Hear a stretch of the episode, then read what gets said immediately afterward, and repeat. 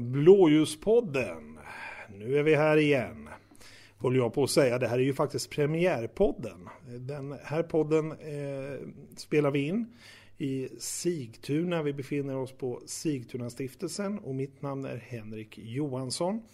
Och eh, jag representerar i detta fall Samverkan 112, blåljusmagasinet som finns för personal inom blåljussektorn och närliggande arenor men också för människor som är intresserade av blåljusfrågor. Och med mig här idag har jag Gordon Gretich, förbundsordförande för Alarm Ambulansförbundet. Välkommen Gordon! Tack ska du ha Henrik! Det är gott att få ha dig här så här. Vi känner ju varandra privat. Det gör vi. Det är ja. trevligt att vara här Henrik. Ja, det är väldigt trevligt att sitta här tillsammans med dig. Jag kan beskriva här för er som vill ha ett sinnesintryck utav hur, hur vi har det. Vi har ett runt bord. Det ser ut att kunna rymma åtminstone åtta personer.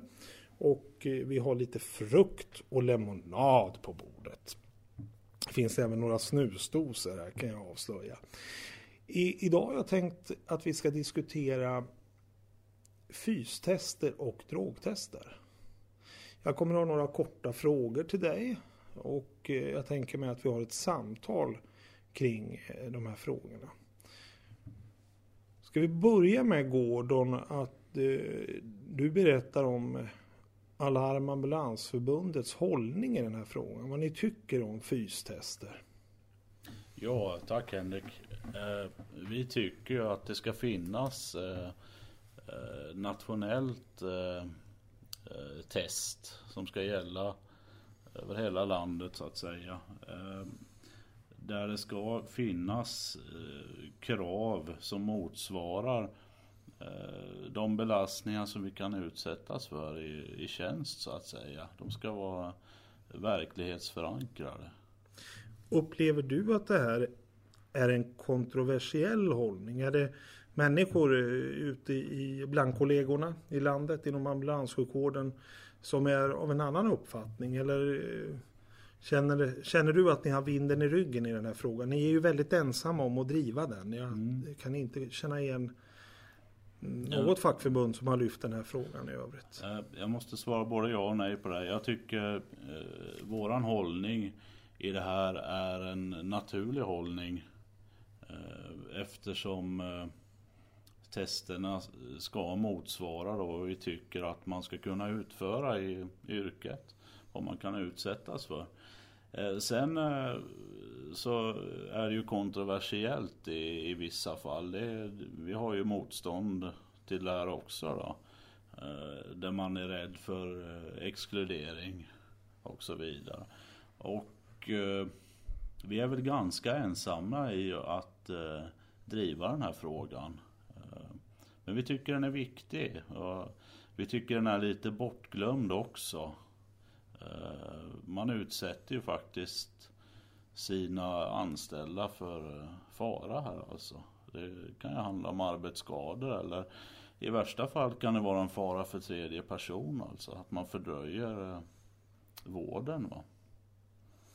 Ja, nej, du, du tar ju upp någonting här som jag tycker är intressant. Jag har funderat på det en hel del.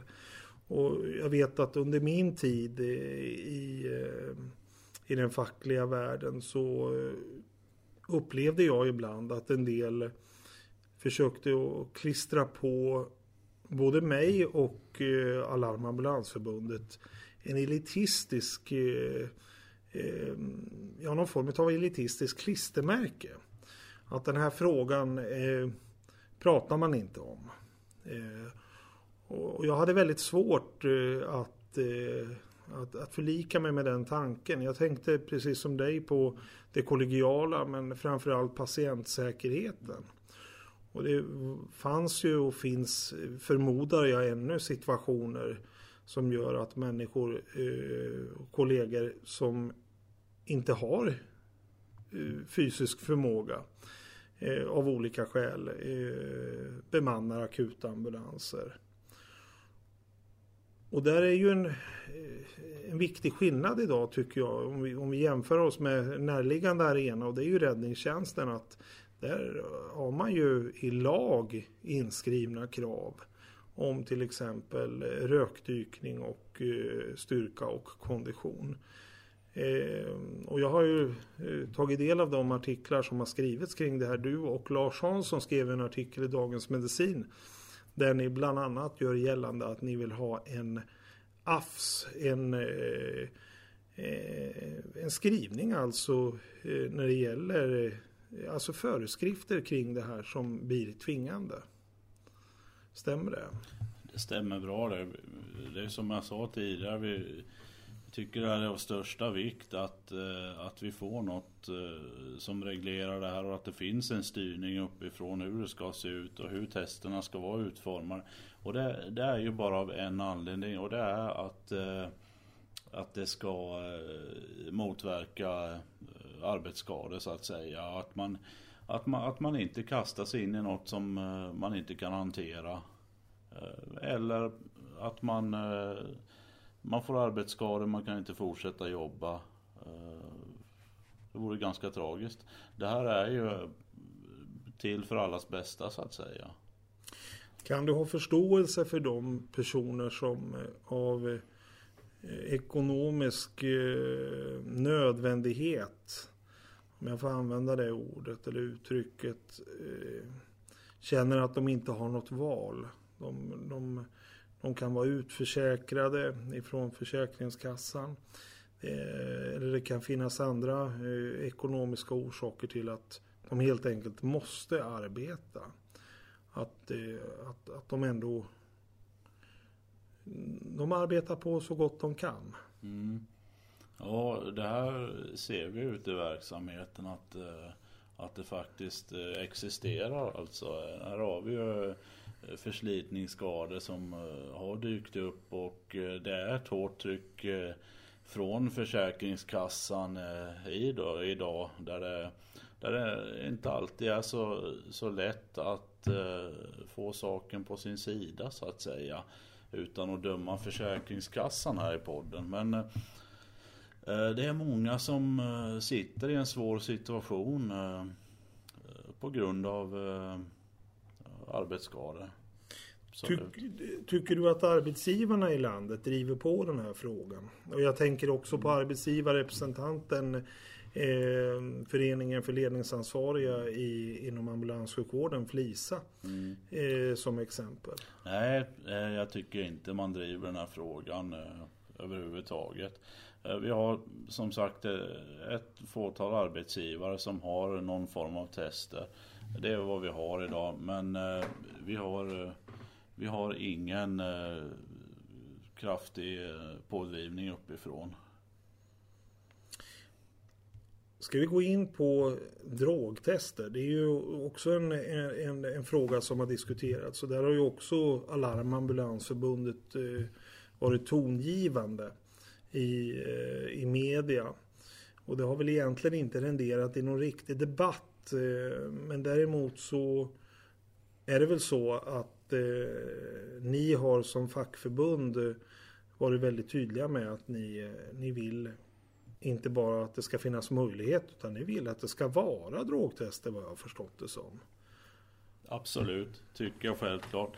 För den normalbegåvade personen så, så inser man ju att man kan ju inte vara under påverkan eh, på arbetet helt enkelt. Och, och därför vill vi ha eh, vi, vi vill ha alkotester, vi vill ha eh, drogtester. För att säkerställa det här. Och i de fallen, för nu kommer vi återigen in precis som vi gjorde när vi diskuterade det här med fystester. Här ligger ju också ett rehabiliteringsansvar på lur.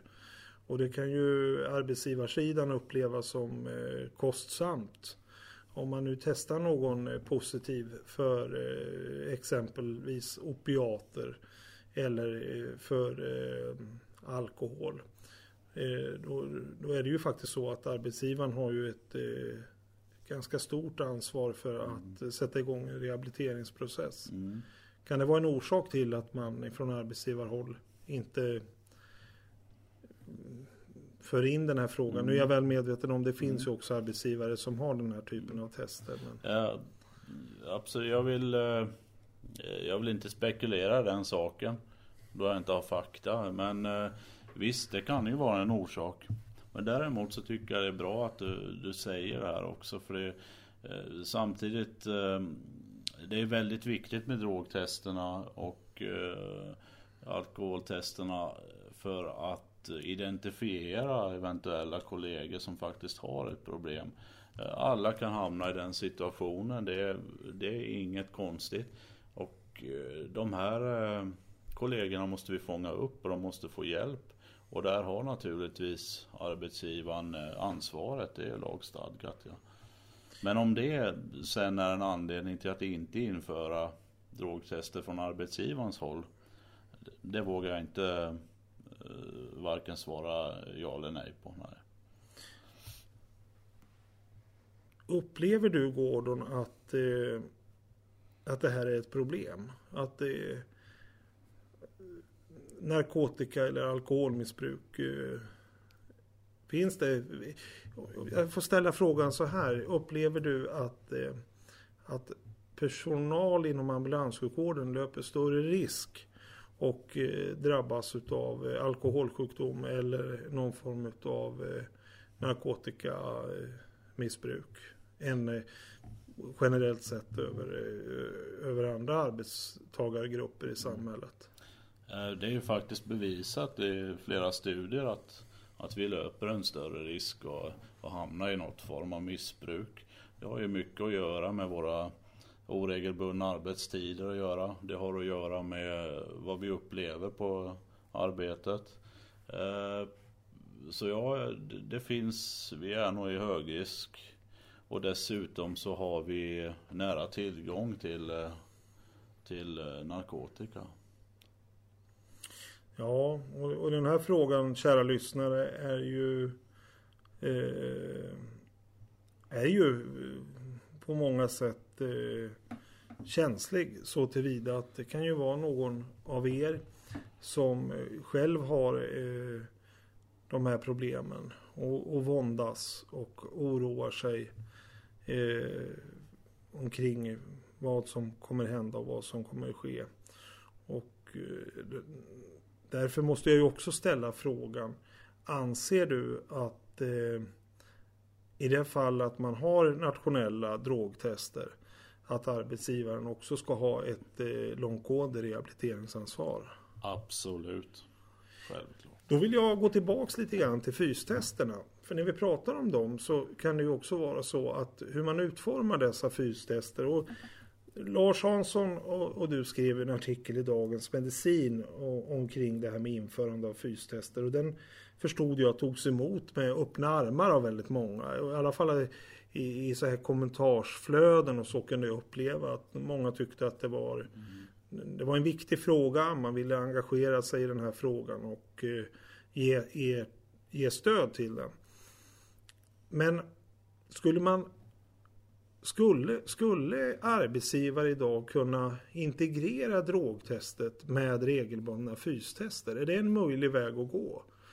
Och ska i sådana fall arbetsgivaren göra det själv eller behöver det vara en extern aktör som gör de här testerna? Jag tänker om det kan vara företagshälsovården eller någon annan form av akkrediterat mm. institut. Mm, ja, jag förstår.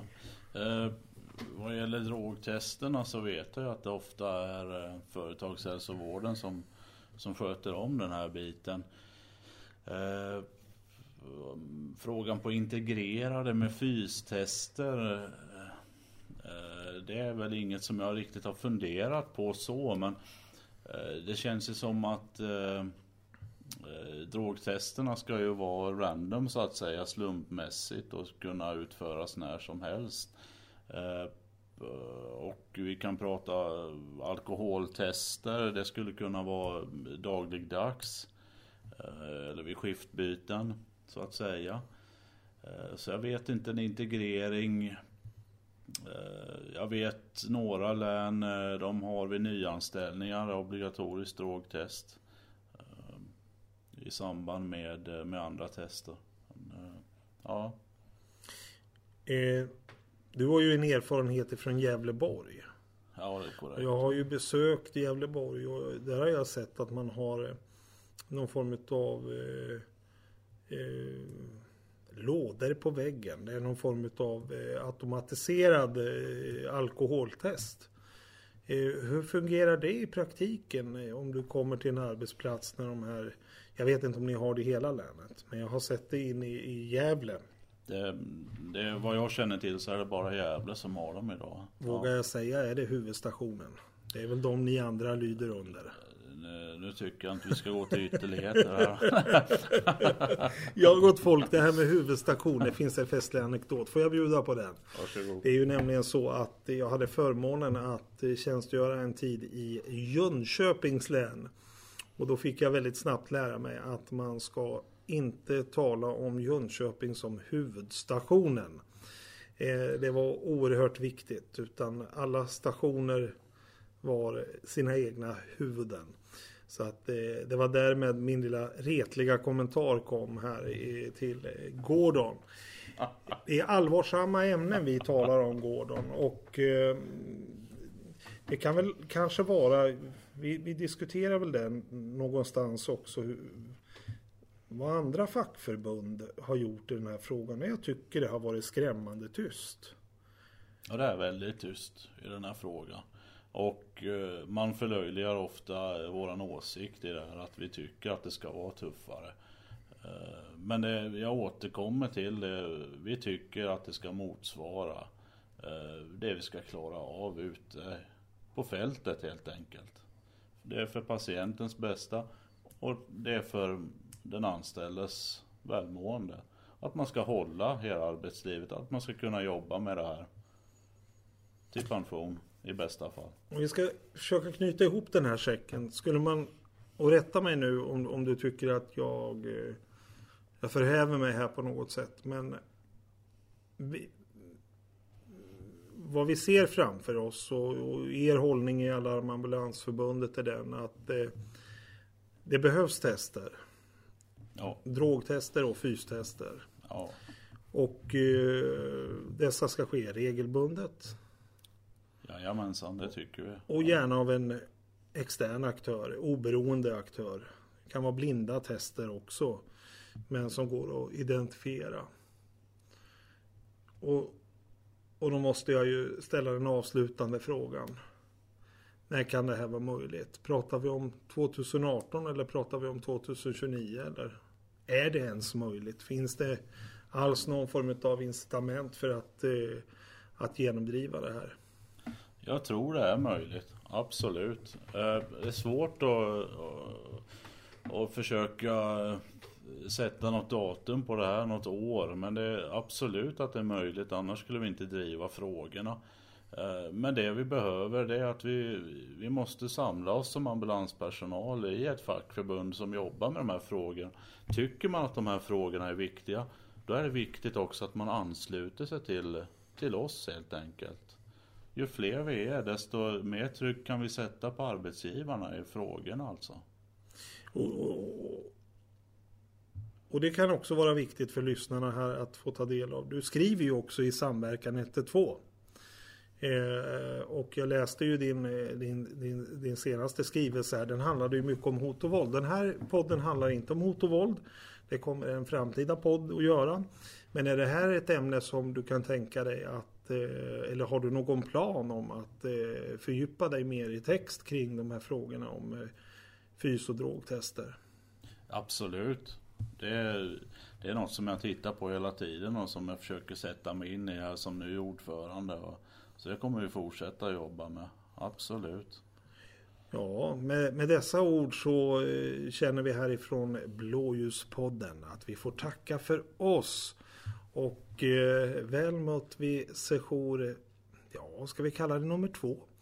Då vi ska tala om hot och våld. Tackar.